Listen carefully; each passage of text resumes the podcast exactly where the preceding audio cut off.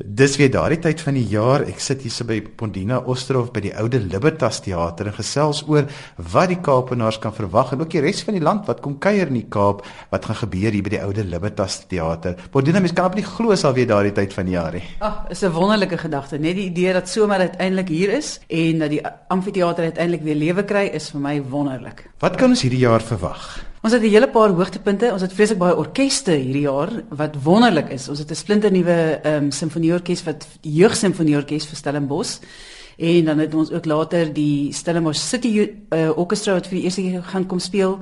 Ons het die ehm um, Delft Big Band wat kom speel. Ons het Johnny Cooper wat kom speel. So ons het 'n klomp klomp groot vertonings met baie mense op die verhoog. Dis heerlik. Ons het op die 21ste November vir Karen Zoid en hierdie keer speel sy net met klavier. So dis 'n baie intieme konsert wat ons daar kan verwag. Dan het ons Sterling EQ en hulle het vriende bygenooi. So hulle noem dit Sterling EQ and Friends en dit is mense soos Maurits Lots wat natuurlik 'n fantastiese gitaarspeler is en 'n hele paar ander. So dis 'n groot konsert met 'n klomp mense. En dan het ons die wonderlike konsert, splinter nuwe produksie van die Libertas koor. Hulle noem dit dan ook die koor, the choir, omdat hulle hulle 25ste bestaanjaar vier hierdie jaar. En hulle het spesiaal vir Basil Apollos gekry om die teks en die regie te doen en dan natuurlik die fantastiese musikant ehm um, Camille Lombard met sy orkes. So dis nie net 'n kooruitvoering met 90 mense wat daar staan en la la la nie, maar dit is inderdaad 'n teks en 'n regie, so dis 'n hele produksie wat hulle gaan aanbied en dit is dan op die 27ste en die 29ste November. Bodina mense is altyd so 'n bietjie gespanne oor koormusiek in die buitelug. Die teater is in 1977 gebou en dit het die wonderlikste akoestiek. Dit is regtig jy kan alles alles mooi hoor op die verhoog sowel as in die auditorium en dan natuurlik ook op die grasgedeelte op Sondag. Maar ek het 'n fantastiese tegniese span en hulle maak seker dat mens alles kan hoor. So dit is regtig nie 'n probleem om 'n koor te hoor of soliste te hoor of instrumentaliste nie. Dit is wonderlik. Podine, wat is nog op die program? Verder in Desember het ons die uh, lekker lekker Delta, dis die Solom's Delta band wat kom speel. Ons het vir Nathaniel op die 11de, 12de en 13de Desember Ons het vir Rocco de Villiers, hy doen 'n lekker country show. So Wacko Rocco, dis te heerlik altyd as hy op my program is. En dan verder het ons die 14de Desember vir Dr Victor en die Rasta Rebels.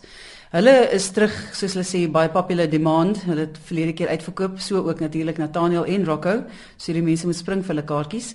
En dan het ons vir Frank Sinatra met Richard Cock. Nou ja, ons good old blue eyes is weer terug op die program. En dan die Kaapse Filharmoniese Orkees nou hulle het nou hierdie jaar hulle 100 jaar feesvieringe en hulle sluit dit dan by ons af en ek noem dit spesifiek die Cape Philharmonic Orchestra has fun. So hulle gaan speel net wat vir hulle hierdie keer lekker is. Dit hoef nie noodwendig swaar werke te wees nie en ons sien vreeslik uit na die uh konsert. Bodina dan soos elke jaar doen julle iets spesiaals rondom Kersfees. Ja, dit is altyd vir my 'n hoogtepunt om te sien hoe baie families bring hulle kinders na die Christmas carols wat ons almal saam sing. Richard Cock lei dit dan ook met 'n orkes wat hy spesiaal saamstel. Ons noem dit die Festival Orchestra en dan 'n groot koor van omtrent 130 mense wat almal vrywilligers is wat graag wil Kersliedere sing. En dan deel ons natuurlik kersies uit. Die konsert begin 'n bietjie vroeër sodat mense ehm um, darm teen die tyd wat dit donker donker is nog jou musiek kan sien en ook dan nou met kerslig stille nag kan sing. So dis 'n heerlike ervaring altyd op die 20ste Desember en die 21ste Desember. En dan net so voor Nuwejaar is almal nou verby die Kersfees blues is, het ons vir Shiraz. Dis 'n lekker jong instrumentele ehm um, groep spelers. Hulle maak lekker musiek met gitare en almal speel eintlik meer as een instrument. So hulle wissel mekaar af. Die een speel gitaar, dan speel die ander een drum en dan speel die drummer weer gitaar en so gaan dit aan. En dan heel aan die einde van die jaar het ons ons tradisionele oujaarsaand wat in die tyd al regtig op die kalender moet wees van die luisteraars. Dit is net 'n heerlike aand onder die fantastiese sterre van Stellenbosch. En gewoonlik, ek hou duim vas, maar gewoonlik is dit 'n wonderlike warm aand en niemand gaan huis toe voor so half 4 se kant nie. Ons het 'n dansbaan, ons het 'n DJ, ons het 'n wonderlike orkes wat net liedere sing wat in jou ore bly fluister soos na na na na en Blue Suede Shoes en Happy New Year en al die ander ABBA goedjies. En dan neem jy teater ook so 'n klein breekie want dan gebeur mos maar eintlik min in Januarie. Wanneer begin julle dan weer wat ons op 'n later geleentheid verder oor se gesels maar wat is die eerste konsert in Januarie? Die eerste konsert is op die 23ste Januarie en 24ste Januarie wat ons Wals met Wene of dan Walsa in Wien of Waltzing in Vienna noem en dit is die wonderlike Afrikaanse Suid-Afrikaanse soprane Janet Kay en Vanessa Tait ensovoorts ensovoorts en Elna van der Merwe is dan op klavier en Neil Rademan is die gasheer met sy akkordeon.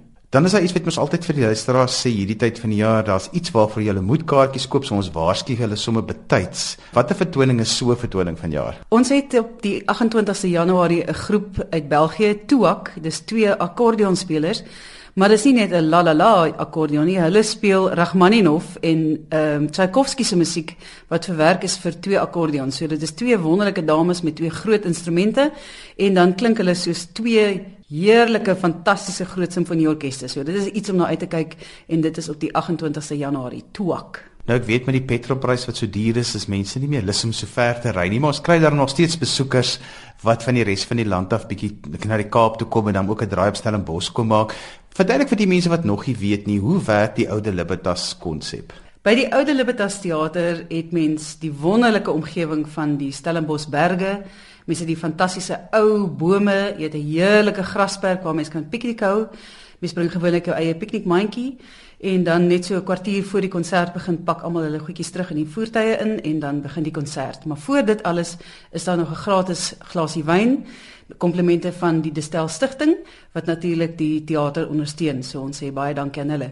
Hierdie is 'n tipe ervaring wat as mens nog nooit in die buitelug 'n konsert geniet het nie, dan is dit iets wat jy nie moet mis nie. Mens sit heerlik op sagte stoele en dit is 'n mooi verhoog. Ehm um, dis 400 sitplekke, so dis baie intiem.